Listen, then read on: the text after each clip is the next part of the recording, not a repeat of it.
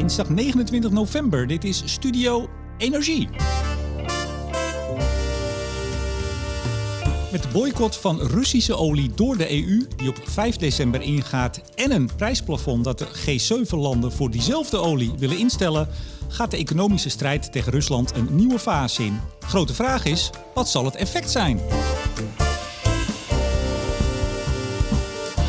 Over de boycott, over olie en de mondiale markt in historisch perspectief praat ik met een energie-expert die recent de hoogste onderscheiding in haar vakgebied kreeg. Strategisch adviseur energie bij HCSS, mijn gast Lucia van Geuns. En Studio Energie wordt mede mogelijk gemaakt door de vrienden van de show Netbeheerder Stedin, Koninklijke FMW, Neptune Energy, Eneco en het energieteam van Ploem Advocaten en Notarissen. Lucia van Geuns, hartelijk welkom. Dankjewel. Eindelijk te gast. ik ben blij dat ik er ben. Ja, de naam al vaak gevallen bij Studio Energie. Want dan uh, zegt Jilles, ja, ik heb een rapport gemaakt uh, met Lucia. En dan zeg ik altijd, met Lucia van Geuns, collega bij HCSS.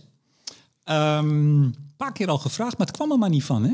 Nee, het is niet van gekomen. Ik weet niet waarom, maar nu ben ik er. Ja, nou, uh, heel erg blij daarmee.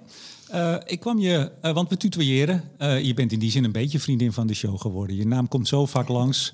wij hebben ergens in dit voorjaar samen nog op een podium gestaan. ik zag jou daar in actie en ik was zeer onder de indruk. Een van de redenen dat ik je gevraagd heb. -hmm. jij geeft ook les, hè? Ja, bij de TU Delft al eigenlijk zes jaar uh, doe ik mee daar aan een, uh, aan een minor, zoals dat heet, over Geo-resources for the future.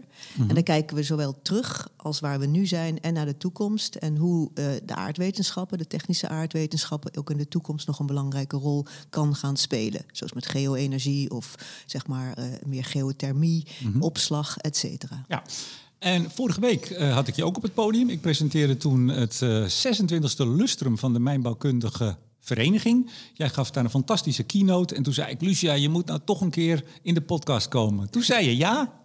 en toen zei je, nou, ik vroeg je, waar wil je het over hebben? Wat zei jij toen? Nou, ik zei olie. Want waarom olie? Omdat dat natuurlijk nu toch straks uh, voor, met betrekking tot onze relatie met Rusland misschien een andere fase ingaat. En daar wil ik het graag met je over hebben. Ja, je praat heel voorzichtig, misschien een andere fase ingaat. Vanaf 5 december geen, uh, nou per schip geen, uh, geen krummel olie meer Europa in. Ja, en we gaan ook de bedoeling. Nog, ja, en we gaan ook nog eens zorgen dat het niet meer verscheept kan worden. Komen we allemaal op. Um, maar ik zei het al in de intro, jij hebt de hoogste onderscheiding in jouw vakgebied gekregen. En ik mocht daarbij zijn in Delft. Uh, wanneer was het? 13 oktober. Je gaf de staringlezing en je kreeg daar de Van Waterschoot van der Grachtpenning. En ik citeer even, voor bijdragen aan het publieke debat over energie... waarin ze de aardwetenschap, dat ben jij dus, op uitmuntende wijze voor het voetlicht brengt. Ja, ik, kreeg er, ik, werd er, ik werd er een beetje sprakeloos van. Ja. Ja, maar het is mooi toch? Ja, ik was er heel blij mee. En het kwam helemaal onverwachts. Want het is normaliter een prijs die veelal wordt gegeven aan, aan, aan hoogleraren voor hun academische zeg maar, uitmuntendheid. Hè. En, en in dit geval voor iemand die toch wel in het publieke domein, maar ook gewoon meer in de populair wetenschappelijke sfeer uh, um, uh, iets doet. Ja, en jij zei ook bij de uitreiking, ik ben slechts een doctorandus. Ja, ja een beetje lullige doctorandus, zei ik ook oh. nog. dus je hebt doctorandussen, doctoranda en lullige. Ja, nou ja, weet je, mijn vader zei altijd doctorandus is eigenlijk zo'n eigenlijk nare titel. Het is nog moetende promoveren. En als je dat niet hebt gedaan, ja, dan is het toch gewoon academisch iets mis met je.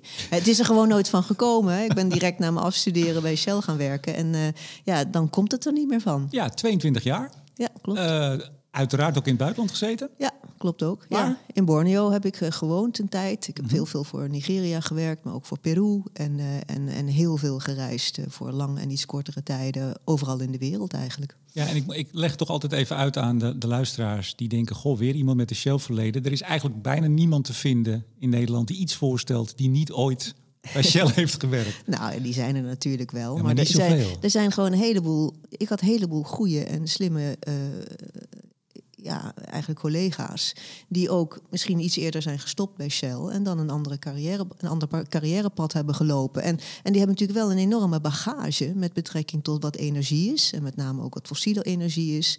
Hè, en een heleboel gelukkig ook kijken naar die toekomst, dat we daar vanaf willen. En hoe gaan we daar vanaf komen? Ja, zeker. Nou, Jillis is ook opgestapt. Precies hetzelfde. Ja. Maar je hebt er 22 jaar gezeten? Ja, klopt. En Ja. toen eh, een paar jaar bij, eh moet ik even goed zeggen, de volgorde. Je hebt bij eh, Klingendaal, Ja, het International Energy Program, 10 jaar. Ja. En bij TNO. Ook nog, ja. Ja, en bij TNO deed ik al samen werk met de HCSS. En toen heb ik eigenlijk besloten om meer naar HCSS te gaan. Puur omdat hier toch veel meer internationaal werd gekeken naar, naar energie en naar energieveiligheid. En dat trok mij meer aan. Ja. En je bent ook nog voorzitter geweest van de KNGMG. Ja, het Koninklijk Nederlands Geologisch en Mijnbouwkundig eh, Genootschap. En dat is in feite ook de, het genootschap wat deze penning heeft uitgereikt. Ja, geologie in Leiden gedaan. Ja. Maar dan is het niet voor de hand liggend misschien dat je nu, want je zit ook op ja, echte internationale vraagstukken, de hele energiemarkt wereldwijd en energietransitie. Ja. Je zat een beetje in de grond te poeren. Ja, ja ik, ik, was, ik, ben echt, ik heb echt een overgang gemaakt van meer technisch werk naar, eh, naar duidelijk macro-economische en geopolitiek achtige insteek. En ik denk die combinatie, en dat doen we ook eh, in de TU Delft met, met onze cursus, is ontzettend belangrijk. Hè? Want het is niet alleen maar technisch kijken naar of je hoeveel olie uit de grond kan halen, of dat je olie gaat vinden of gas gaat vinden. Maar dat het ook uiteindelijk een combinatie is van het heel sociaal-maatschappelijke, zeg maar, eh, eh, ja, de setting, maar ook geopolitiek en macro-economie die zo'n belangrijke rol spelen. Dus ik denk die combinatie is bijzonder interessant. Ja, ik heb je al een keer te gast gehad bij een eh Studio Energie Borrel in Café Lude. Eh, maar ik heb je dus eh, in het voorjaar, toen we samen op een podium stonden... ik ga het toch even zeggen tegen de luisteraars... ik was echt zeer onder de indruk van jouw lezing. Jij, jij deed eerst een beetje van, ah, ik kan het niet zo goed of zo. Jij kan dat beter, zei je zelfs nog. En jij begon, en ik heb nu eigenlijk drie keer een lezing van je gezien de afgelopen maanden... eh, over een beetje hetzelfde onderwerp natuurlijk. En drie keer was ik een uur lang, of een drie kwartier, wat was het... eh, uitermate geboeid. En dat heb ik je van de week ook gezegd. Ik ben niet zo makkelijk te boeien. Ik word al snel ongedurig als ik eh, zit te luisteren naar iemand. En je hebt nu al drie keer dat ik ademloos zit te luisteren. Dat zeg ik omdat als dit... Dit is een gesprek. Ehm, dus als dat niet helemaal zo loopt, dat jij niet goed uit de verf komt, ligt allemaal aan mij. ik kom met vragen tussendoor. Dat moet je eigenlijk niet doen. Ik heb overwogen jou gewoon een microfoon te geven een uur.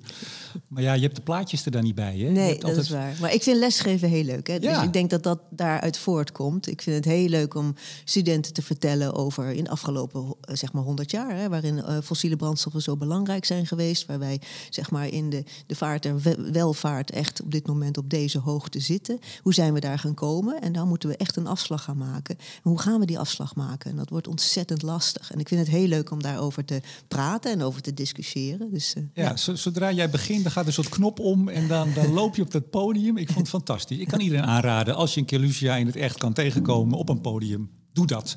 We zitten over tot slot en dan gaan we echt beginnen, ik ben weer veel te lang, in een kluis in het HCSS-kantoor. Ja, het was een vroegere bank. Wij zitten op de Lange Voorhout en het was een, vroeg, een bank. En daar zit een kluis in met hele dikke deuren. Ja. En, eh, en wij zitten nu in die kluis. Ja, ik hoop niet dat iemand die deur dichtgooit. Nee, dat hoop ik ook. Het is heel zwaar. Ik denk niet dat het lukt. hey, eh, de olieboycott Ja. van eh, Rusland door de EU. 5 december gaat die in. Dat is voor, voor ruwe olie per schip.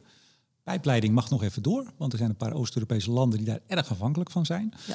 Eh, ergens in februari, ik dacht ook 5 februari, eh, moeten ook alle olieproducten eh, uit de deur zijn, de deur uit zijn. Ehm, toch is er nog best wel wat onduidelijk, althans voor mij. Wat gaat er nou maandag precies gebeuren? Volgende week maandag dus. Ja, nou dan is in het zesde sanctiepakket van de, van de Europese Unie afgesproken om alle olie die maritiem wordt vervoerd. ehm, eh, naar Europa om die te boycotten. En dat is niet alleen maar gewoon de olie die aankomt, bijvoorbeeld hier in Rotterdam of andere havens in Europa. Maar tegelijkertijd mogen ook Europese eh, verzekeraars en financiers die ladingen niet meer verzekeren of financieren. En dat is een heel belangrijk aspect, hè, want een heel groot deel van de Russische ruwe olie die wordt eh, zowel gefinancierd als verzekerd door nou, bijvoorbeeld de Lloyds van deze wereld. Dus door zowel bedrijven in Europa, verzekeringsbedrijven in Europa, maar ook in de UK. En dat is een probleem, want dat betekent eigenlijk dat eh, de, de, de, de, tanker die die maritieme olie vervoert, dan zijn vracht niet meer kan verzekeren. En dat is natuurlijk heel erg lastig. En zal je zien een heleboel tankbedrijven dat ook niet meer willen doen, want het is een te groot risico. Want, want eh, kun je dat zeggen, hoeveel, wat, is het aandeel van eh, Europese landen in dat verzekeren? Ze hebben een groot aandeel, maar weet je hoe ja, groot dat ja, is? denk zeker wel 60 of 70 procent. En tegelijkertijd praat je natuurlijk, als je praat over Europa, sorry, over Rusland en Russische olie hè, is een hele belangrijke olieproducent. Hè, samen met Amerika, maar ook Saudi-Arabië echt in de top drie. hè, vorig jaar zelfs echt hoog, eh, eh, maar, maar nu iets, iets minder. Maar desalniettemin laten we het even op 10 miljoen vaten olieproductie zetten. Daarvan exporteren ze een, een flink deel, niet alles, want ze consumeren zelf ook heel veel olie. Hè, maar een, ongeveer 2,5 miljoen vaten gaat naar Europa. En, uh, en tegelijkertijd ook nog eens een keertje een flink deel. En dat hangt er vanaf welk jaar je kijkt. Maar vorig jaar ongeveer 1,2 miljoen vaten uh, aan, aan, aan olieproducten. Hè. Dan praat je over benzine, diesel, nafta. Dat zit niet bij die 2,5 miljoen dus, dat komt nee, er nog eens bij. Nee, nee dat komt erbij, precies. Mm -hmm, dat, ja. zij, dat is dus al geraffineerd product. Dat hebben ze zelf in Rusland gedaan en dat exporteren ze mm -hmm. veelal voornamelijk naar Europa. Omdat het natuurlijk geografisch heel dichtbij is. Ja. Veelal met kleinere schepen. En, uh, en dat, dat kan dan makkelijk uh, worden vervoerd. Veelal vanuit de, de, Baltische route. Er komt natuurlijk ook wel wat vanuit de, de Zwarte Zee. Mm -hmm. Maar al met al is dat een heel belangrijk onderdeel van hun export. Dus in dit geval van Russische export. Daar moet natuurlijk Rusland nu, en hebben ze een half jaar tijd voor gehad, zowel Rusland, maar ook de wereldoliemarkt, om dat op een, een of andere manier uh, aan te passen. Hè? Want dit, dit, is, dit is afgekondigd begin juni bij het zesde sanctiepakket van de EU. En dat gaat nu pas in voor ruwe olie en op 5 februari ook voor olieproducten. Oftewel, eigenlijk heeft de markt al heel veel tijd gehad om zich daarop voor te sorteren. En het grote verschil tussen gasmarkten en oliemarkten is dat oliemarkten zijn echt, is echt een wereldmarkt. Gasmarkten nu ook meer en meer vanwege LNG, vanwege vloeibaar gas. Maar eigenlijk zeg maar voor de oorlog, voor 24 februari, was het heel erg regionaal bepaald. Hè, vanwege de pijpleidingen die mm -hmm. uit Rusland naar voornamelijk Europa gingen. En maar hier kan die wereldoliemarkt zich wel degelijk op voorsorteren. En dat gebeurt al. Dat betekent een hele hoop olie, ruwe olie met name uit Rusland. Dat vindt nu zijn weg naar bijvoorbeeld Turkije, bijvoorbeeld het Midden-Oosten, maar voornamelijk ook naar India en naar China. He, dus dat is al een soort rerouting, zoals dat heet. Oftewel, een heleboel olie komt, ruwe olie komt sowieso al niet meer aan in Europese havens. Dus wat dat betreft op 5, 5 december kan je zeggen van nou, er gaat niet ineens iets gebeuren. Maar er is nog wel iets anders aan de hand. En dat heeft weer alles te maken met dat financieren en, um, en die verzekeringen. Is dat de G7 heeft bepaald. Um, ook in de zomer, dat, uh, dat ze eigenlijk ook een prijsplafond willen op die Russische olie. Even de G7, dat zijn de... Ja, de rijke geïndustrialiseerde landen. Uh, uh, daar zitten natuurlijk de Verenigde Staten ook in en Japan. En, en, met name de Verenigde Staten heeft hier heel erg op aangestuurd. En waarom? Omdat ze toch bang zijn dat zo'n EU-boycott, waarin ook nog een keer de lading niet verzekerd wordt, dat dat echt destabiliserend werkt in de oliemarkt. En dat kan mogelijk ook een prijsopdrijvende, prijsopdrijvend effect hebben. Er is een half jaar op kunnen anticiperen. Ja, dus. Precies, dat wel, dat wel. Maar desalniettemin zijn ze daar toch bang voor. Want je ziet dat OPEC natuurlijk ook al zijn maatregelen heeft genomen. Hè. Die heeft uh, 2 miljoen verlaagd. Uh, 2 miljoen verjaagd, uh, twee maanden geleden. Of in ieder geval nu, in nu op zondag gaan zij ook weer samen zitten. Van, gaan ze meer verlagen? Want er gebeurt nog wel wat aan de vraagkant. Hè. Met name vanwege China, die nog steeds echt lockdown zit in, met zijn COVID-maatregelen. En eigenlijk, en ook nu met die, met die, met die nou noem het maar, acties die er zijn. Of in ieder geval protesten. protesten ja, ja betekent dat, dat, dat de oliemarkt daar ook een beetje nerveus van wordt aan de vraagkant. Dus de kans is best dat de zondag ook nog weer wordt besloten om nog meer productie te gaan, uh, te gaan reduceren. Ja, maar, maar even, even terug. Dus de markt heeft zich kunnen instellen al maandenlang op die boycott, die 2,5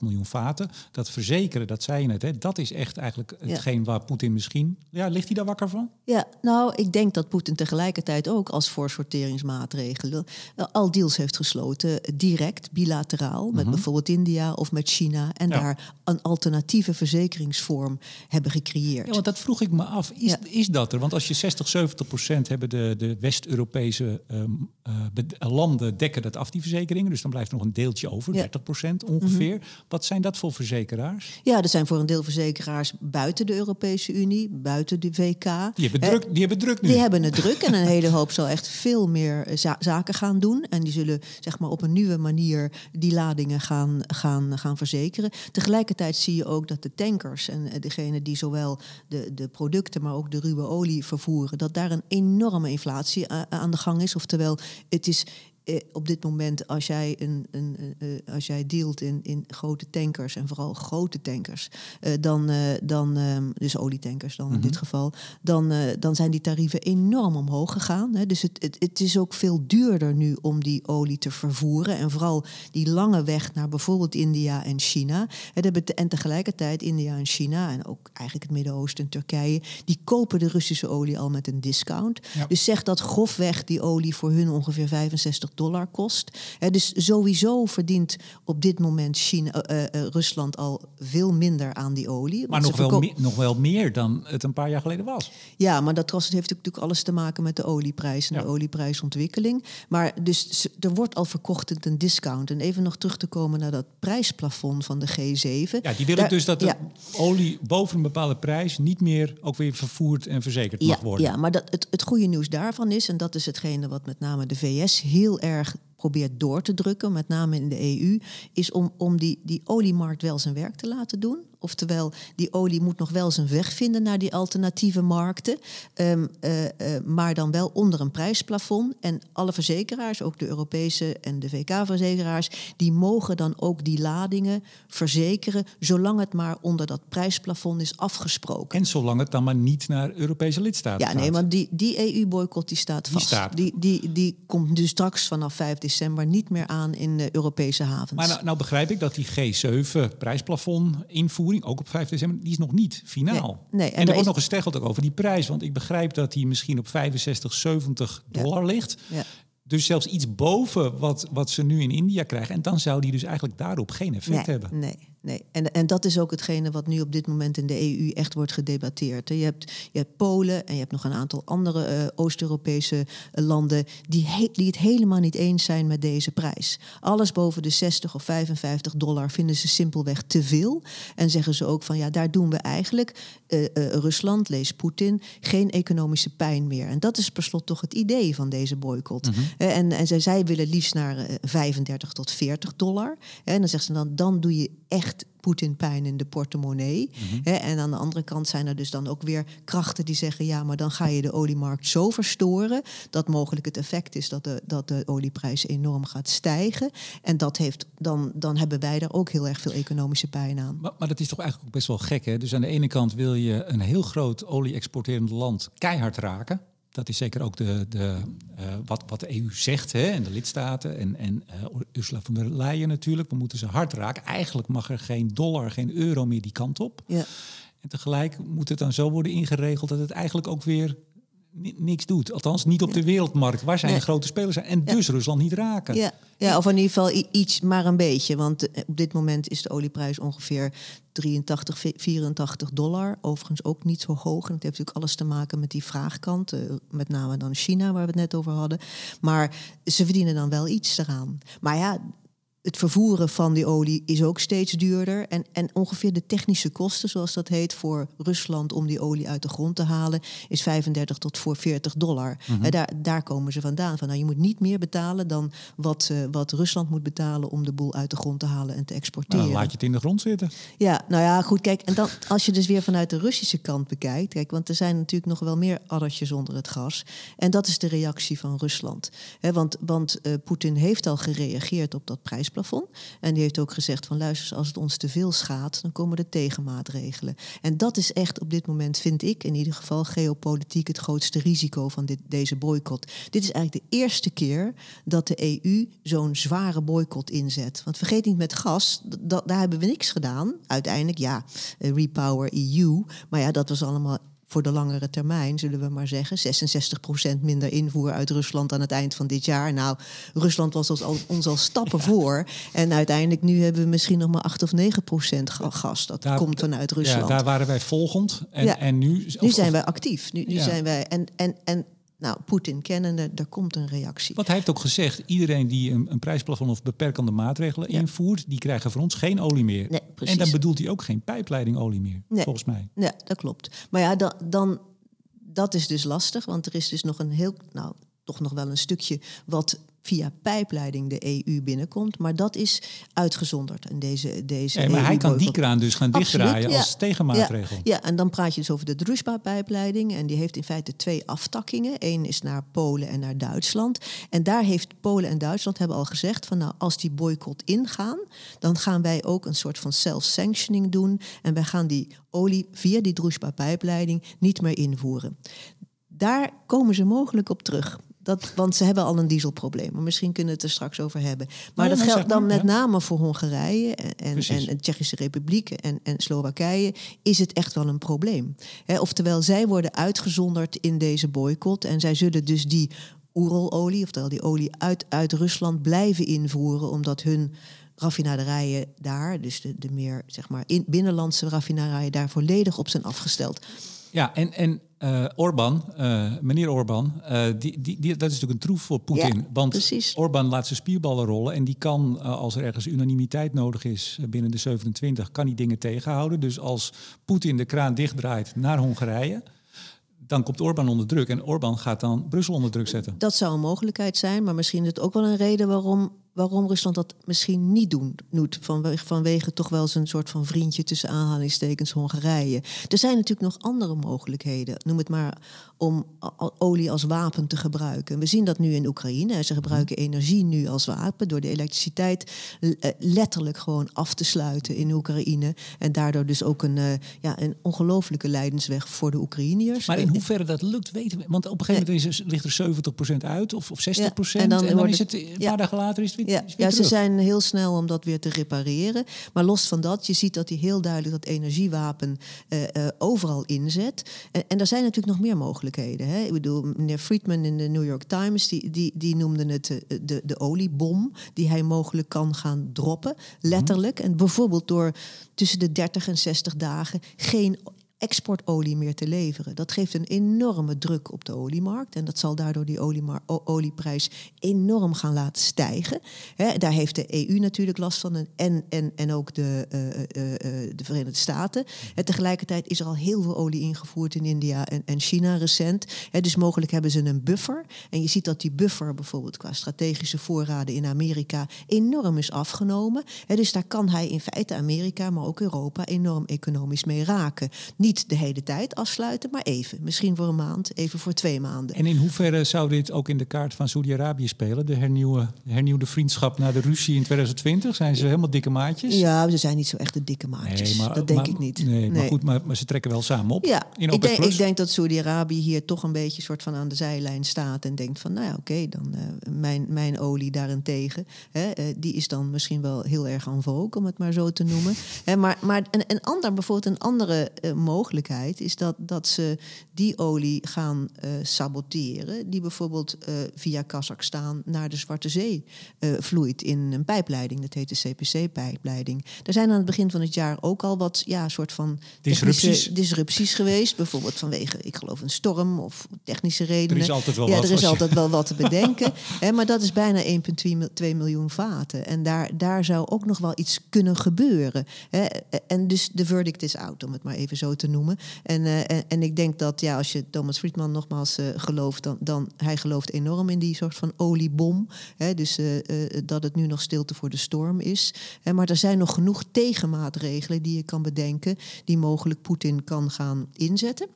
En dat heeft dus alles te maken met dat prijsplafond. Want da- daar heeft hij al mee gedreigd. Ja. En dat er tegenmaatregelen zullen komen. Ja. Nou, het is aan de ene kant bijna moeilijk voorstelbaar dat hij niks doet. Als je ziet hoe die met gas heeft eh, gewerkt. Aan de andere kant, en ik luister natuurlijk altijd naar eh, de podcast Boekenstein in de Wijk met eh, Rob de Wijk, oprichter van dit instituut hier, HCSS. Daar was men, eh, zelfs eh, de Wijk en Boekenstein waren toch zeer verrast over wat Poetin en Rusland in Gerson heeft gedaan. Dat ze zich ineens terugtrokken, dat had niemand verwacht. Nee. Ze verwachten een enorme slag en een, ik weet niet wat er allemaal ging gebeuren. En ze waren in één keer, hup, weg, 20.000 man eh, weg. Ja. En, en teruggetrokken uit eigenlijk Russisch gebied, wat bij de grondwet niet eens mag om dat Ja. op te geven. Ja. Dus er kunnen ook altijd dingen gebeuren die niemand ziet aankomen. En dan ineens toch. Dat lijkt me ook heel lastig in het beoordelen Ja, maar het is soort- allemaal heel onvoorspelbaar. Ja. En het was natuurlijk al van, vanaf 24 februari 2022. Wij dachten allemaal, we hebben ook alle energiedeskundigen zo van... nou, weet je, we zijn gewoon wederzijds afhankelijk. Hè, dit- dit gaat niet gebeuren. Hè, want Rusland heeft het geld nodig, net zo goed als wij hun gas nodig hebben. dus daar zit een goede balans in. Dat gaat niet gebeuren. dus wat dat betreft is iedereen toch wel enorm verrast. Dus ik denk, ja, ik noem het maar een kat in het nauw maakt rare sprongen. En die, die sprongen zijn moeilijk voorspelbaar. Ja. Ehm, even, we, hebben het er ook wel eens hier in de podcast al over gehad, uh, met, met Cyril onder andere. Um, er, zijn, bedoel, er is geen sanctie te bedenken of hij is wel te omzeilen, of althans een poging te doen om hem te omzeilen. Ja. Uh, een van de uh, manieren is dat je olie op, op zee in een ander schip overpompt. Ik begrijp dat er ook al te, te zien is, of dat men al kan zien dat dat veel meer gebeurt. Ik weet niet hoe dat hoe werkt dat precies? Ja, nou je, je hebt eigenlijk twee, twee soorten van, nou noem het maar. Uh, um, uh, technieken om op zee, waar je ook bent, eventueel olie van een kleiner schip naar een groter schip over te hevelen en mogelijk te mengen, hè, dat noemen ze dan blending, mm -hmm. met andere soort olie, waardoor dus de oorsprong van de olie minder duidelijk is. Hè, dus ze noemen, het ene noemen ze ship-to-ship -ship transfer en dat gebeurt nu heel erg. Namelijk, er komen veelal kleine, kleinere olietankers vanuit de Baltische Zee uh, die worden dan op zee, mm -hmm. uh, veelal ook hier in de Noordzee, uh, worden dan overgeheveld naar grotere schepen. Maar dus dat die very ze... large crude carriers, ja, zoals ze dat noemen. Dat melden ze ook dan? Of zie ja, je dat, dat op radarbeelden? Dat, ja, of, dat, of... dat kan je gewoon zien. Mm. en dan gaan die, gaan die hele grote crude carriers, die gaan dan uiteindelijk naar Turkije, naar, naar India en naar China. Hè? Want je kan die kleinere schepen, dat is dan niet effectief. Hè? Dit is gewoon, mm. zeg maar, economies of skill. En aan de andere kant kan je ook mengen zoals ik net noemde. Maar er zijn natuurlijk ook schepen in het meer schimmige circuit die hun, wat ze noemen, hun transponders uitzetten. Oftewel datgene dat je kan zien vanuit satellieten. Zodat je ineens uh, zeg maar ziet dat er een bepaalde tanker ergens in het midden van de oceaan uh, uitgaat. Die zie je niet meer vanuit satellieten. Dan, weet je Dan gebeurt er van alles. en dat gebeurt natuurlijk al heel erg in dat meer schimmige circuit uh, voor die olie uit, uit Iran, uit Venezuela. Want dat zijn natuurlijk ook landen die onder een boycott liggen en die in principe niet meer hun olie mogen exporteren. En dat is eigenlijk een gegeven. Want er komt natuurlijk nog wel steeds olie binnen uit die landen in de verschillende grote havens. Maar dat is dan zo gemaskeerd, zo ge gemengd. En, en er zijn eigenlijk ook heel weinig, noem het maar police forces. Dus heel weinig checking daar. Uh, een beetje wel, maar niet heel erg. En dat is ook natuurlijk een groot vraagteken voor straks. Hè. Wie, gaat dit allemaal controleren bij al die havens? Of er wel of niet uh, of uh, verdund olie binnenkomt of wat dan ook. En dat zijn natuurlijk wel zaken die nu ook gaan spelen. Hè. Hoe, hoe, wordt dit gecontroleerd? Ja, en nog, nog even over dat verzekeren. Als, als nou India of een ander land zegt... ik wil toch heel veel Russische olie... en er is geen... Lloyds is niet te, te, te porren om dat te verzekeren. Mogen ze niet. Kunnen dan uh, koper en, en verkoper niet gewoon afspreken? Nou, dan verzekeren we het niet. Kan nou, dat ook? niet verzekerd. Er zit dus ook natuurlijk vaak nog een dat maatschappij tussen om, om, ja. om, het te vervoeren. En ja. die vervoersbedrijven willen wel die garantie hebben. Anders gaan ze gewoon maar niet varen. Een staat kan daar natuurlijk garant voor gaan staan. Uh, eventueel. Of in ieder geval een verzekeringsbedrijf die dat vervoerbedrijf. En dat zijn veelal uh, Griekse tank, tankbedrijven, mm -hmm. rederijen. Of uit Malta of uit Cyprus. En die eisen natuurlijk wel dat het een, een betrouwbare verzekering is. Want er is natuurlijk heel veel risico uh, voor ook die rederijen. En en, maar wat je nu wel ziet, en dat, dat vind ik zelf persoonlijk echt wel een, een zorgelijk iets, dat een hele hoop, uh, zeg maar, tankers uh, die eigenlijk al hun weg hadden gevonden naar Bangladesh om te worden ontmanteld, op dit moment gewoon weer worden gecontracteerd door allemaal schimmige, noem het maar, partijen, hè, om dan toch maar die olie of ook olieproducten te blijven vervoeren. En, en dat is natuurlijk iets waarvan je denkt van ja, als hier maar geen milieurampen uit voortkomen, maak ik me wel zorgen over. Ja. Sinds wanneer gebruiken we eigenlijk olie? Dus ja. ja. Nou ja, weet je, ik, ik, ik, ik ben altijd heel erg uh, um, uh, geïntegreerd door, een, uh, door een, een, grafiek die ik heel veel gebruik in mijn, in mijn colleges. En daar, is, daar kijk je naar de, naar, de, naar de energiemix van de wereld.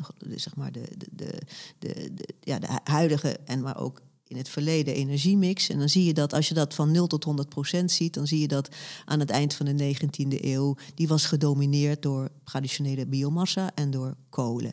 En er was een heel klein beetje, een beetje vergelijkbaar met de duurzame energie van nu, ongeveer 2, 3, 4 procent, was, uh, was ruwe olie of eigenlijk olieproducten. Hè? Want ruwe olie kan je niks mee, je moet het eerst raffineren. Nou, die technologie is toen echt duidelijk uh, ontwikkeld aan het eind van de 19e eeuw.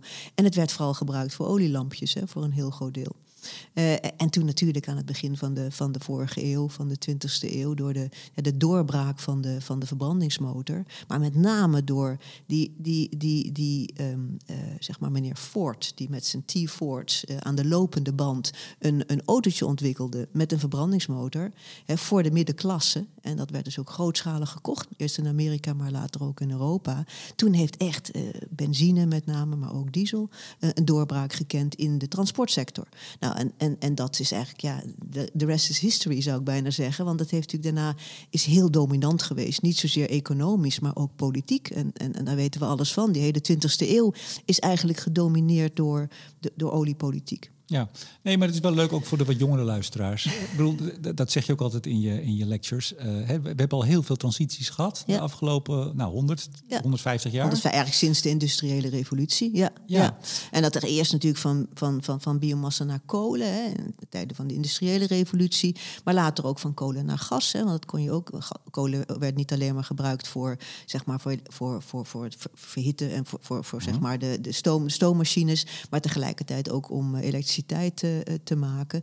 En, en daarin is gas ook weer een belangrijk aspect. Hè. Die kwam natuurlijk echt op in de 50, 60er jaren als een belangrijk onderdeel van die energiemix. Mhm. en maar olie bleef nog steeds echt constant en groeide ook nog steeds qua volume. Hè, van het begin van vorige eeuw tot aan nu. En, en dat vind ik echt, uh, Remco, zo fascinerend. Want, want ik probeer ook altijd mijn studenten uit te leggen van nou, wat bepaalt dat dan eigenlijk, die groei? Hè, dat is natuurlijk onze hang naar welvaart en economische groei.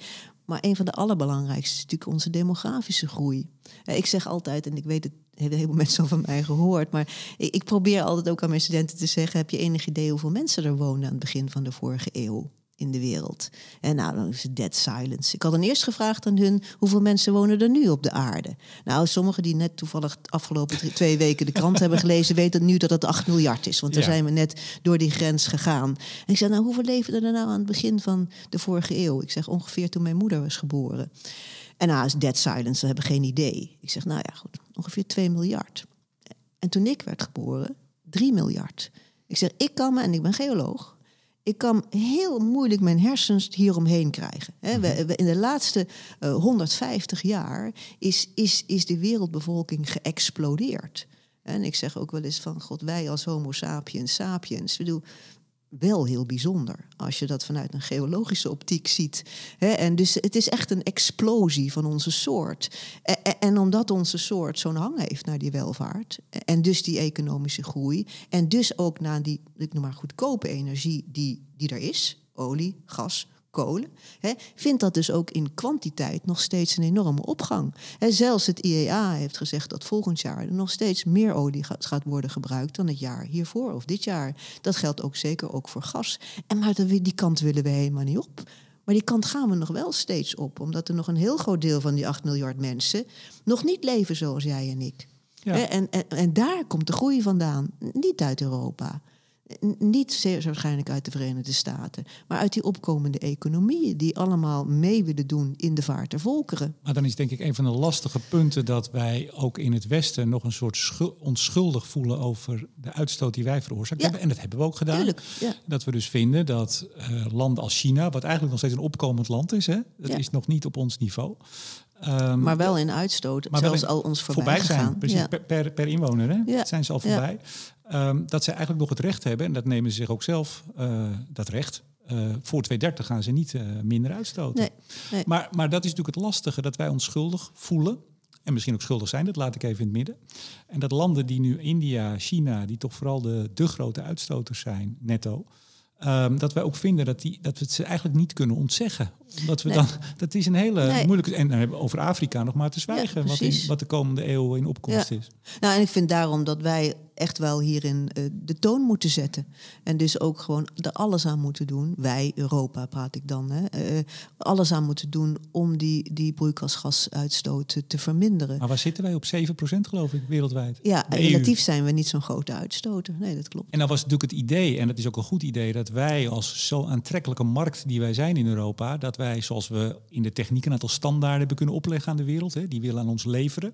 En dus kunnen we ze standaard opleggen. Proberen we ook ons, uh, nou ja, onze, onze democratie proberen we te exporteren en onze normen en waarden. Ja. Maar we proberen ook bijvoorbeeld met die nog steeds in de pen zittende uh, Carbon uh, Border Adjustment Mechanism ja. te zorgen dat partijen die meer uitstoten, dat ze die aan de grens moeten ze daarvoor betalen. Ja. Maar de vraag is, Lucia van Geuns, de vraag aan jou. Blijft Europa wel zo'n aantrekkelijke markt nu wij zo'n hoge energieprijzen hebben en, en de industrie misschien wel vertrekt en we een, ik zeg het even heel zwart-wit, graag jouw reactie, misschien wel aan de vooravond van een verarming van dit continent staan? Ja, nou, ik, ik ben het met je eens. Die deindustrialisatie die er nu plaatsvindt op die korte termijn vanwege die hoge prijzen, waardoor een aantal industrieën eigenlijk al echt hun biezen hebben gepakt en ergens anders naartoe zijn gegaan, hè, dat kan eventueel worden versneld. En dat is slecht. Dat is slecht voor Europa. Dan wordt het echt museum Europa. En dan betekent dat wij industrieel gezien en ook mogelijk qua inkomsten uh, uh, uh, enorm zullen gaan verminderen. Ja, en dus zijn wij minder aantrekkelijk. En Ja. als straks ook Afrika opkomt en India gaat nog veel verder en China, ja, die kijken op een gegeven moment naar die 500 miljoen mensen. Dat zullen er misschien ook wel minder worden. Als wij minder aantrekkelijk worden, minder migratie. eh, dan denk je, ja, het is een leuke markt, maar ja, om daar nou ons helemaal voor eh, om, Ja. om te turnen, dat is misschien ook niet meer zo Nee, nou, en dat is best een, best een probleem. Hè? Want te, te, te meer daar er nu nog steeds die fossiele brandstoffen relatief goedkoop zijn ten aanzien van ten opzichte van een, een alter- alternatief die met name kwantitatief nog niet echt beschikbaar is en veelal zeg maar eh, niet eh, makkelijk vervoerbaar is of te verhandelen is. Hè? En dan praat je met name over zon en wind, hè? want dat is heel regionaal en decentraal. Hè? En dan praat je natuurlijk alleen maar over waterstof en daar hebben wij nu ons mond vol voor. Van, en we denken dat al die waterstof, noem het maar eh, handelsroute, allemaal naar Europa gaan. Misschien wel, maar, maar daarin is ook nog niet gezegd dat dat echt gaat gebeuren. Er is nog niet echt een markt. Hè, maar, maar zonder meer een probleem. En tegelijkertijd ook die landen, die zullen ze ook achter hun oor eh, eh, krabben. En, laat ik even het voorbeeld noemen, want dat is hetgene waar ik nu recent heel erg mee te maken heb. Is, is, is bijvoorbeeld de grote olievondst, maar ook gas in, in Suriname. Moeten wij als Europa zeggen, Suriname, jij mag, jullie mogen dat gas en olie helemaal niet uit de grond halen. Want dat is in this day and age met onze anderhalve graden scenario's gewoon not done. Dat, dat doen we niet meer. Gaan wij daar bijna op een, noem het maar, vaderlijke manier zeggen... dat moet jij niet meer doen?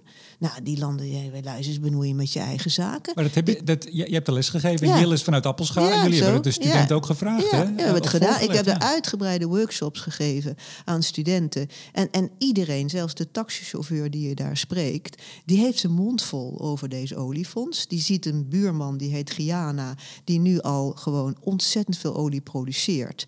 Eh, en tegelijkertijd zie je dat dat land natuurlijk economisch in, enorm groeit. Iets wat Suriname natuurlijk ook heel graag zou willen. Nou laat ik even terzijde hoe dat gaat gebeuren. Maar los van dat, ze kunnen natuurlijk van die inkomsten eh, eh, enorm economisch pro- pro- eh, profiteren. En, en wie zijn wij om te zeggen, ja, maar dat moet je in de grond laten liggen. Zi- Zitten, dat, dat, dat mag je eigenlijk niet uit de grond halen. Want wij hebben per slot met z'n allen afgesproken dat we maar anderhalve graad willen opwarmen. En dan alle nieuwe olie moet niet meer uit, moet, daar moet niet meer in worden geïnvesteerd.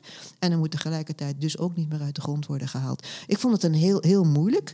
Hè, en ge- gegeven het feit zelfs dat Suriname een een netto negatieve emissie heeft. Het is een van de drie landen hè, die, eh, die, die, eh, die nauwelijks eh, broeikasgassen emiteert. Door een enorme groene oppervlak Ja, en het ja. een carbon sink. Ja, Ze het is een vast. carbon sink, zo is. Samen met Panama en ik geloof Bhutan. Maar desalniettemin, Suriname is wat dat betreft... heeft ook een asset, namelijk het is een carbon sink. Maar dan krijg je in het Westen vaak dat mensen zeggen... ja, maar nou ja, oké, la- laat ze dan maar even. Dat mogen ze dan. En dan moeten wij dus nog meer doen. Het Westen. En dan hebben we het ook over de Verenigde Staten, de, de Landen. Ja. En dat wordt natuurlijk ook steeds lastiger. Ja. We hebben ook onze eigen sores, Ja, zeg ik dan dat maar. klopt. Ja, en je ziet dus nu dat die, die onderinvestering in olie en gas, en dat is hetgene wat mij ook heel erg fascineert, met name de komende tien jaar, zal leiden tot hele volatiele markten. Met name aan de olieprijs, maar ook aan de gasprijs. Kijk, als je daar niet in investeert, dan heb je een oud systeem, en dit zegt Jillis ook heel vaak, en, en, en, daar zijn we het echt met elkaar eens, dat dat nog moet worden onderhouden. En- En waar je dus niet meer in investeert, want dat, dat kan niet meer. Tegelijkertijd een nieuw systeem die eigenlijk de hele zeg maar, energiehuishouding nog niet kan bedienen. En, en, dus je moet uiteindelijk toch ook denken aan het oudere systeem, met name in de komende 10, 15 jaar, omdat het zo belangrijk is, zowel voor de regionale economie, maar ook vooral voor de wereldeconomie. Dus dat dat investeren, en dat zijn ook dingen die, die, die moeilijk zijn, want, want dat mag je bijna niet zeggen, dat je nog, toch nog wel wat moet investeren in olie en gas.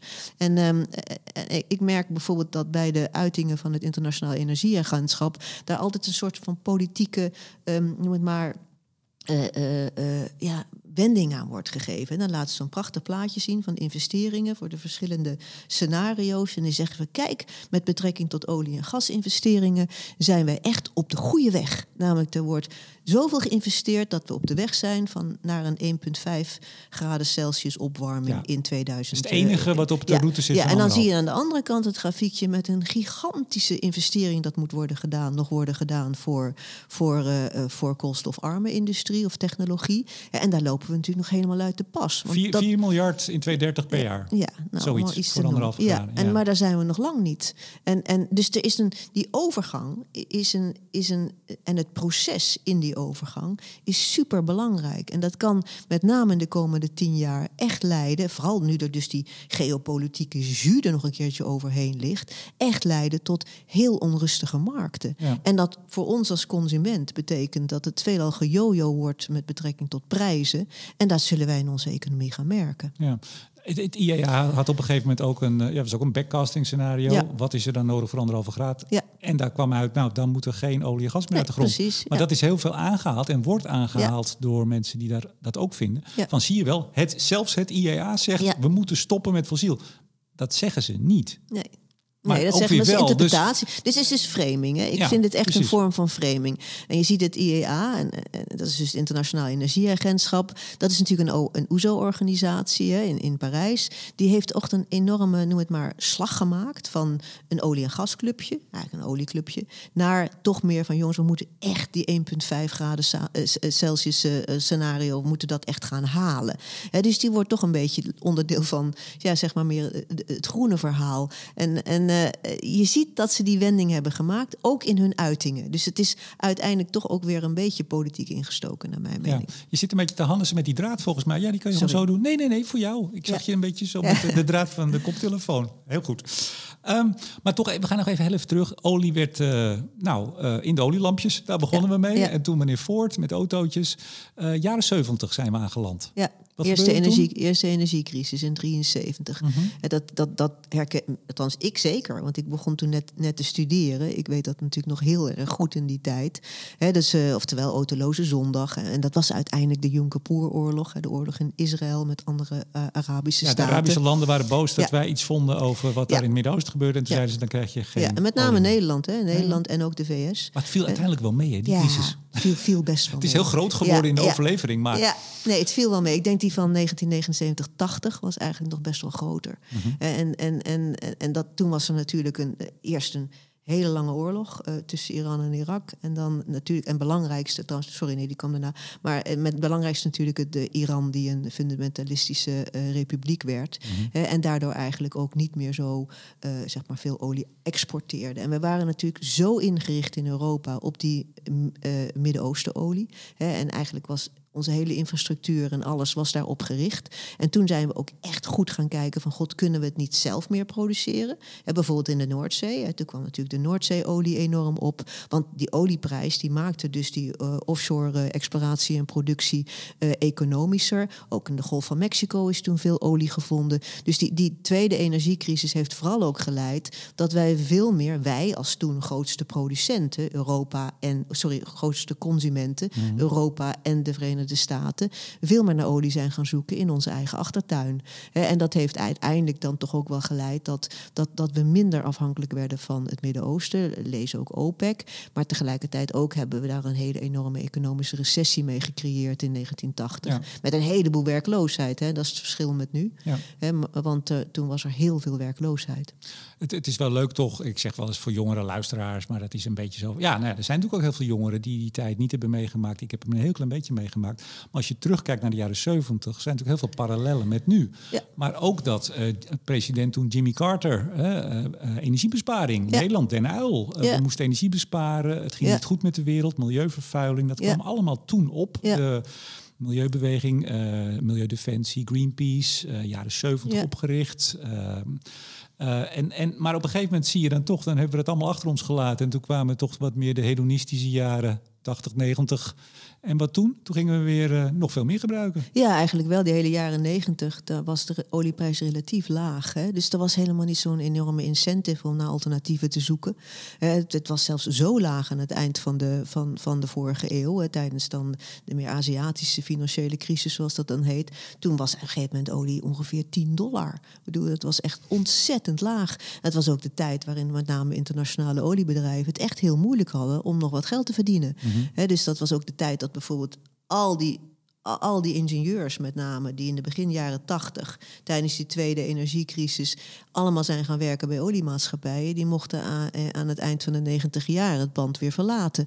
Want er was geen werk meer voor ze. Dus dat is wel interessant. Jij mocht blijven. Eh, ik mocht blijven, ja, ja. Maar ja, dan zie je dus die eerste tien jaar van deze eeuw. Toen, toen, en ik noem dat wel eens, toen kwam er een nieuw kid in town. En dat was natuurlijk China. En die heeft die vraag zo aangejaagd, voor, met betrekking tot met name olie. Hè, waardoor het toen ineens weer heel attractief was om eh, naar olie en gas te zoeken. En vooral ook voor internationale olie- oliemaatschappijen. Kijk, die, die, die landen in het Midden-Oosten, die er wel door. Want die hebben altijd zeg maar de goedkoopste olie gehad. Dus die, die er wel door. Maar hun inkomsten werd aan het begin van deze eeuw natuurlijk wel veel hoger. Vanwege ook die hogere olieprijs. Vanwege die aantrekkende eh, eh, vraag. Met name in, in China. Maar ook weer in Europa en ook weer in de VS. Want onze economie die, die ging ook steeds beter. Ja, tot aan de financiële crisis in 2009. Toen zakte de boel weer in elkaar. Ja. Maar toch. Maar, maar waar we in de jaren 70 ook dachten dat het eindig was, hè? al die voorraden Ja. van fossiele energie, en dat het al vrij snel kon Ja, zijn. Althans, eh, Club van Rome, rapport, eh, vaak eh, anders of misschien wel verkeerd geïnterpreteerd, maar het idee was zo rond 2020 zou het wel eens over kunnen zijn Ja. met bijvoorbeeld olie, steenkool en, andere grondstoffen. Maar eind jaren 90, vorige eeuw dus, het Kyoto-protocol, toen kwam eigenlijk het begin van nou, de eerste wat we vergeleken met nu was het heel voorzichtig nog, maar het was wel de basis uiteindelijk ook voor het Parijsakkoord. Hè? Ja. Klimaatbeleid kwam op de agenda. Ja, klopt. Langzaam. Langzaam. Want tegelijkertijd hebben we natuurlijk ook een enorme hoeveelheid technologische doorbraken gekend. Met name in de olieindustrie en de gasindustrie. Eh, technologie bijvoorbeeld eh, eh, eh, 3D-seismiek. Je kon veel beter kijken in de ondergrond met seismische eh, eh, kennis. Tegelijkertijd nou, natuurlijk de grootste doorbraak met betrekking tot de olieproductie is natuurlijk die schalieproductie van olie en gas in met name de Verenigde Staten. Waar gewoon alle economische condities zo waren dat dat enorm kon floreren. niet, eh, niet door de grote bedrijven op Nee, de eh, kleine cowboys. duizenden kleine ja, bedrijven. Ja, dat klopt. Die Ja. allemaal daar Ja. een kans zagen. Ja, en dat betekende voor Amerika, jij noemde net meneer Carter. Kijk, van toen der tijd, en dan praat je over de 70 jaren, is Amerika echt politiek gaan voeren die heel erg gericht is op, op energieveiligheid. Iets wat wij in Europa eigenlijk niet hebben gedaan. We waren altijd afhankelijk met olie en later ook gas. Maar Amerika wilde maar één ding, niet meer afhankelijk zijn. En voor hun was dat echt, dat, dat hoorde je in elke State of the Union van, van de president, of je nou rep- republikein was of democraat. Weet je wel, we are addicted to oil en we, we willen niet afhankelijk zijn van unstable parts of the world, zoals het altijd werd genoemd. Nou, tot aan, zeg maar, de tweede eh, eh, eh, fase of de tweede, tweede eh, vier jaar van meneer Obama, toen kwam dat niet meer voor in de State of the Union. Nou, dat heeft natuurlijk alles te maken met het feit dat ze toen op dat moment gasimportafhankelijk werden. Ze hadden natuurlijk al een heleboel kolen, ze hebben ook kernenergie, maar ook veel minder afhankelijk van import van olie. Omdat ze zelf zoveel olie produceerden met die schalietechnieken. Hè, ze importeren nog steeds wel een beetje olie, bijvoorbeeld meer de zwaardere olie, want die schalieolie is vrij lichte olie, dus ze moeten nog wel wat zwaardere olie importeren om bijvoorbeeld diesel te maken. Maar desalniettemin, het was niet meer zo'n hot issue.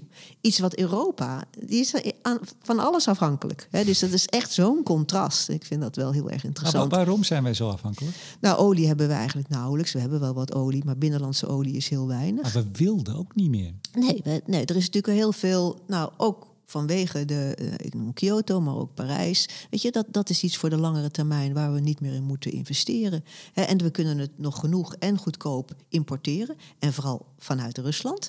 want dat is per slot onze grote energiereus die uh, oosten van ons ligt en die wil graag handelen met ons drijven. het is eigenlijk een energie superpower, om het maar even zo was. ik denk dat dat nu Amerika wordt. Maar het is, uh, Rusland was de energie superpower. Vlakbij, je hoeft het ook niet zo ver te gaan transporteren. Al sinds de Sovjet-Unie allemaal pijpleidingen van oost naar west gelegd. dus weet je wel, hunky dory, wij hebben daar geen probleem. Ja, Zo, zoals, um, nou ik kom net Joris Teer nog even tegen hier in de gangen. Ja. Uh, die zei het in de podcast uh, onlangs. Hè. We, we, hebben eigenlijk ons, uh, onze productie van de spulletjes van China uitbesteed. Onze veiligheid aan Amerika, die toch eigenlijk de NAVO bijna is in zijn eentje ongeveer. en voor onze energie van Rusland. Ja. En dat vonden we prima. Dat vonden we prima. Omdat we ook in een geglobaliseerde wereld leefden. Ik zeg wel waar we allemaal van elkaar hielden. dat is toch wel iets wat, wat, wat, wat het eerste deel van deze eeuw heeft gekenmerkt. Maar er is echt een verandering. Er is echt een kentering. Die hele globalisering, daar wordt nu vraagtekens bij gezet. Die hele lange, die afhankelijkheid van die lange ketens van, van handel. daar zitten kinken in de kabel. Eerst door COVID, maar nu ook vanwege afhankelijkheidsposities, et cetera. En je ziet dus eigenlijk dat er toch weer de wereld een beetje uit elkaar valt in blokken. Mm In blokken van, van landen die het goed met elkaar kunnen hebben. En dat geeft natuurlijk frictie. Dat geeft frictie in de handel. En, en, en je ziet dat dus die hele, ik noem het wel eens die WTO, dus de Wereldhandelsorganisatie Consensus, die is eigenlijk nu een beetje aan het wankelen. Ja, maar je zegt, we hebben misschien ook niet zoveel mogelijkheden, maar wij zouden toch wel veel meer olie en gas in de EU, in Europa kunnen winnen. Als we het echt zouden willen. Als we het echt zouden willen. Zoals nou, de Amerikanen op een gegeven moment echt een push hebben gezet. Ja, nou, Noor Noorwegen met name, en die doet dat ook. Hè. En, Noorwegen heeft dus ook nog wel recent wat, wat grote vondsten gedaan. Je ziet het ook een beetje in de UK, ten noorden van de Shetland-eilanden. Daar wordt ook nog wel weer gevonden.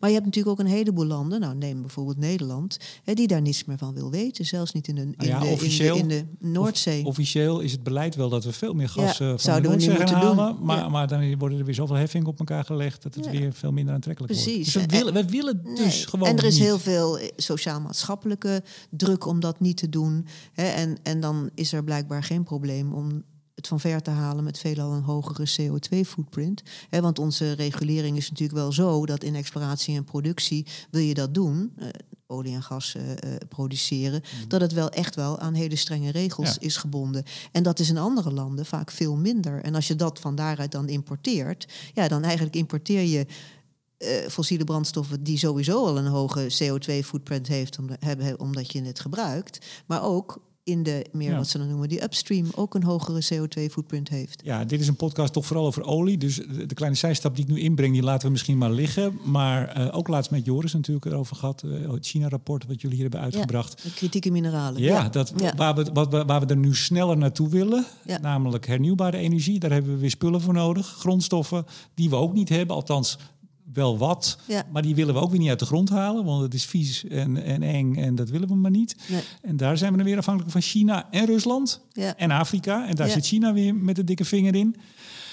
En dan gaan we ook nog ruzie maken met uh, China op de bagage dragen bij de VS. Ja. Uh, die China een kopje kleiner wil houden. met name ten aanzien van Taiwan natuurlijk. Ja, precies. De, problemen daar. Maar dat betekent dat wij dus uh, nog steeds afhankelijk zijn en steeds minder partijen hebben waar wij uh, fijn mee kunnen handelen. Ja, klopt. Ja, en dan met name Europa wil natuurlijk zeg maar uh, autonoom zijn in een hele hoop zaken. Moet er altijd een beetje op lachen. Ja, ik ook. ik ook eigenlijk. Ja, met name ook met betrekking tot kritieke mineralen. Want dat betekent ook dat je veel meer mijnen moet gaan openen. Hè. En nogmaals, die zijn niet voor niks dicht gegaan vanwege de strenge milieumaatregelen. En natuurlijk is recycling en uiteindelijk gesloten economische um, uh, uh, cirkels, zullen we maar zeggen, die, die, die gaan er komen. Maar in de komende tien jaar nog niet. Nee, want in, in Delft, waar jij vorige week op het podium stond, was ook de keynote na jou van ja. René Klein. René Klein, ja. Uh, eh, docent in uh, Leiden uh, op dit gebied van die grondstoffen. Hij was redelijk optimistisch, vond ik. Ja. Recyclen en met, met bevriende landen. en ik, ik hoop het. Ik hoop dat dat werkt. Maar, ik denk ook wel dat dat, dat, dat zo is. Maar dan mhm. wel na 2030, 2035. Als je praat over recyclen, moet je wel een hoeveelheid kritieke massa hebben. En dat noemde hij dan urban mining. En maar voorlopig hebben we nog niet die kritieke massa. Om, om, dat, om al die zeg maar, kritieke mineralen en ertsen uit die recyclingmassa te halen halen. Dus we zijn nog gewoon enorm importafhankelijk en voornamelijk van China. Ja, en toen ik hoorde dat, eh, dat een, eh, een beetje mijn, het gaat even niet om wat, maar lithium of wat dan ook, dat je zo 8, 10, 15 Ja. jaar bezig bent voordat het op productieniveau zit. Klopt. Want je denkt, nou ja, goed, een paar, paar flinke bulldozers erheen en eh, we zijn al een eind op weg. Nee, absoluut Nee, niet. Dan praat klopt. je dus over, het kost heel veel tijd. Ja, en die klopt. hebben we dus eigenlijk niet. Nee, dat klopt. Want vooral ook omdat China natuurlijk al 10 tot 15 jaar voor is. Die heeft dit al 10 tot 15 jaar geleden bedacht.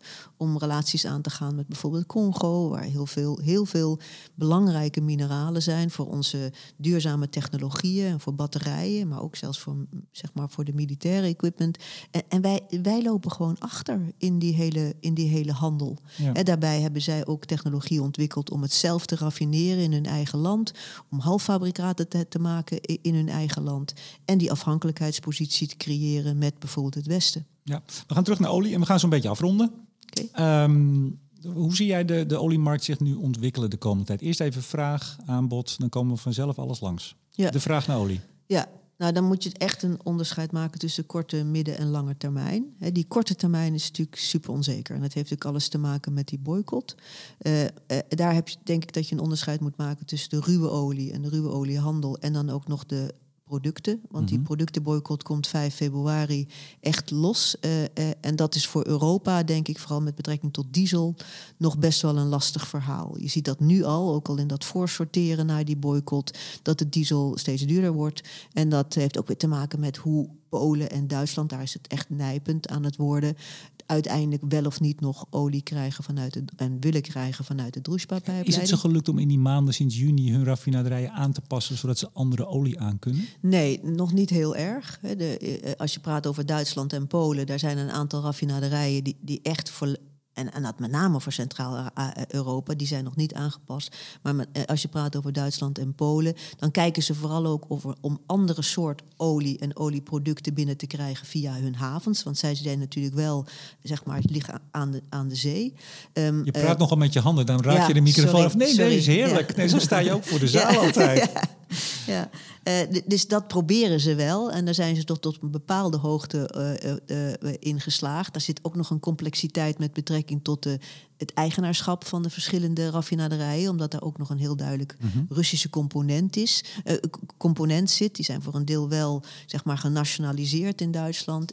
Eh, En ook in Polen, maar dat, daar zitten nog wel wat hang, zeg maar, hete hangijzers. Dus dat wordt nog lastig. Die diesel wordt lastig. En vergeet niet, diesel is natuurlijk een hele belangrijke ehm, eh, eh, brandstof voor met name niet zozeer de, de gewone auto's, maar met name de transporten, de zware transport, maar ook in de landbouw, eh, et cetera. Dus daar, daar, daar kan echt nog wel wat pijn komen.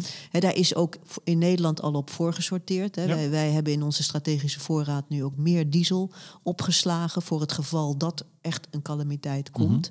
Ehm, maar die, dus die korte termijn in mijn optiek, en dan praat ik over de wereldolie of de, de, de ruwe olie, die zal heel nog volatiel, volatiel blijven. Ook Ja. weer afhankelijk van wel of niet tegenmaatregelen vanuit Rusland ten aanzien van deze boycott. Op de middellange termijn ik denk dat nog steeds die olie heel erg belangrijk is in de energiemix. Dat zal het ook nog blijven. En vergeet niet, dat zeg ik ook altijd aan mijn studenten, dat, dat 80% van die energiemix in de wereld, die wordt nog steeds gedomineerd door kolen, olie en gas. En dat was het in 1990 en dat is eigenlijk nu nog steeds.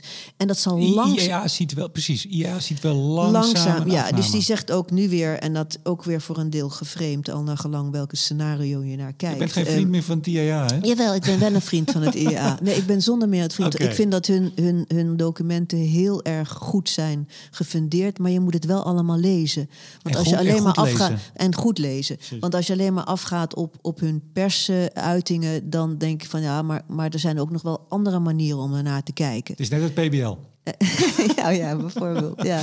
Nou, ne- neem bijvoorbeeld hoofdstuk 7 van de World Energy Outlook. Hoofdstuk 7, heel interessant. Hè? Dat gaat over olie. Is echt hartstikke goed. Het is echt goed gefundeerd. Kijkt ook naar al die korte, midden- en langere termijn. Wanneer is er mogelijk een, een, een, een, een piekvraag van Mhm. olie in de wereld? Al naar gelang weer welk scenario, eh, van welk scenario je uitgaat. Heel gefundeerd, heel goed geschreven. Vroeger, eh, vroeger, Vroeger. Bij, bij, de World Energy Outlook was, eh, was olie altijd hoofdstuk 1. Hè? nu is het hoofdstuk 7. Vond ik zo grappig. Maar desalniettemin. Dus die, maar die middellange termijn, naar mijn, mijn optiek, is nog heel volatiel. Misschien komen we dan wel ergens in de komende tien jaar op een niveau wat heet dan het piekolievraagmoment. Waardoor er, we zitten dan misschien op 100 miljoen vaten en we blijven mogelijk best wel een beetje hangen op die 100 miljoen vaten. Of gaan naar 2030 in 99 miljoen vaten. Maar het zal een, een soort plafonnetje blijven. Dit is voor heel veel luisteraars echt een heel deprimerende gedachte. hè? Ja, ja maar, maar dat heeft dus alles te maken met nog die enorme vraag. Niet zozeer vanuit, vanuit de ontwikkelde landen, noem het maar OECD of OESO-landen, maar veelal uit die opkomende economieën. Hè, want daar is nog weinig alternatief voor die tran veelal transport. Vergeet niet, olie is voornamelijk transport. Alhoewel natuurlijk ook een deel misschien 25, 30 procent wordt gebruikt in de petrochemische industrie. Ook heel belangrijk, want dat groeit eigenlijk nog steeds. Niet zozeer misschien hier, maar ook weer in het Midden-Oosten en in, en in Azië. Dus, dus piekolie, nou ja, na 230, rond 230? Ja, dat zegt nou zelfs, eh, ja, noemde zelfs Ja. 2027, 28. Goed, Eh, Allah. Eh, plateau, eh, afname. Ja, maar een lang plateau. hè. Ja, ja, precies. Lang plateau. Wat, wat, wie zijn de winnaars? Kun je dat nu al zeggen? Ja, nou ja, dat hangt er weer af van of je in welk tijdsvak je kijkt. Ik, ik Ja. denk dat in de komende tien jaar zie je dat een grote verliezer zal Rusland zijn. Tuurlijk. Ik bedoel, nu lijkt het nog niet zozeer aangeslagen vanwege inkomsten die ze niet krijgen door alle, alle, alle, alle eh, eh, zeg maar ook boycott, maar ook minder gasexport naar, naar Europa. Maar op de langere termijn, en vooral als wij geen zaken meer met ze blijven doen, zijn zij de grote verliezer, verliezers. Ik denk qua, qua alternatief, kijk, het Midden-Oosten is er altijd, maar met name als andere grote energiereus die nu echt opkomend is, is de VS.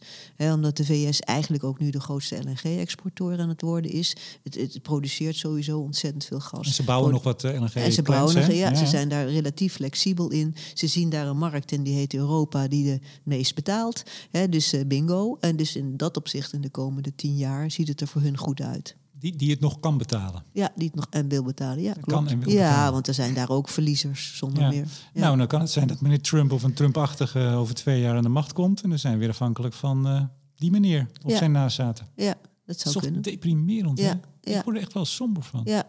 ja, in ieder geval somber met betrekking tot de energietransitie. Want die, Uiteraard. die zal, eh, zo als ik soms wel eens zoek, ten eerste heel rommelig gaan verlopen. En misschien ook wel niet het resultaat geven dat we erg graag willen. En wat we ook graag uiten in, onze, in, in bijvoorbeeld die klimaattoppen. Hè, eh, terwijl denk ik in Europa het beste wil is. Maar het heel lastig wordt. Omdat Ja. die afhankelijkheid van, die, van, van fossiele brandstoffen er, er domweg nog is. Hè, en onze economie er nog zo van afhankelijk is. Ook Ja. al zijn er wel degelijk echt hele goede bewegingen naar meer duurzaam. Hè, zowel wind en zon, maar met name ook, eh, eh, eh, ook bijvoorbeeld waterstof. Hè, daar, daar, daar zie je toch een heleboel hele zeg maar, positieve bewegingen. Hè, maar nogmaals, dan praat je pas over na 2030 als er echt een markt is en een soort van een handel. zodat we zien waar nu eigenlijk de grote hubs gaan komen. Ja. En of dat nou Rotterdam is of niet, dat moeten we nog zien. Ja, en ondanks dat is toch de verwachting dat met al het huidig, huidig beleid en al het geld wat erachter zit, dus concreet beleid, we als naar zo'n 2,3 graden zouden kunnen redden Ja. eind van deze eeuw. Eh, dus dat, dat biedt dan ook wel weer hoop, zou ik zeggen. Ja, Ik van, we komen van 3,8 zeven jaar geleden ongeveer de Ja. verwachting. Ja, En- dus en dat is echt is wel heel veel nou, gebeurd. Ja, dat is helemaal waar. En ik denk dat er enorm wil, veel wil is. En dat zie je ook in de Verenigde Staten, hè, natuurlijk met hun laatste beleid ten aanzien van infrastructuur. Er wordt ongelooflijk veel geld naar die noemen, e- nieuwe economie gegooid, om het maar zo te noemen. Zo zelfs dat het bijna een bedreiging is voor, eh, voor, voor, voor, voor de rest van de wereld. Mhm. Maar daar, zijn wel, daar worden wel stappen gemaakt. En ik hoop ook dat het in Europa eh zover gaat komen. Maar ja, dat dat is natuurlijk toch wel wat meer met maar verdeeld hierover. hierover. En of we nog een beetje een portemonnee hebben om iets uh, in de melk te brokkelen te hebben wereldwijd. Ja, ja dat klopt. Ja. Hoe vond je dit college voor uh, duizenden studenten die uh, tegelijk naar jou luisteren? Dat is toch iets meer dan normaal in de zaal, of niet? dat is, klopt ook. Ik weet niet of studenten zijn. Misschien luisteren wel mensen die dit allemaal al weten. Natuurlijk is dat ook zo. Ja, dat, dat ben je altijd een beetje... Jij zegt, ah, dat weten mensen. Nee, dat weet ik. Ik heb er, ik heb er heel erg van genoten. Dankjewel. Dankjewel. Vond je het leuk? Ik vond het leuk. Goed zo. Um, Lucia van Geuns, strategisch adviseur energie bij HCSS. Uh, eh, het De Heek Center for Strategic, Strategic Studies. Jawel, dat is hem. Hartelijk dank voor het gesprek. Jij mag wat terugzeggen hoor. Ja. Je twijfelt hè? Jij ook Remco, dankjewel. En uiteraard bedank ik ook jullie beste luisteraars en in het bijzonder alle vrienden van de show, waaronder netbeheerder Stedin, Koninklijke FMW, Neptune Energy, Eneco en het energieteam van Ploem Advocaten en Notarissen. Tot zover. Mijn naam is Remco de Boer. Graag tot de volgende week.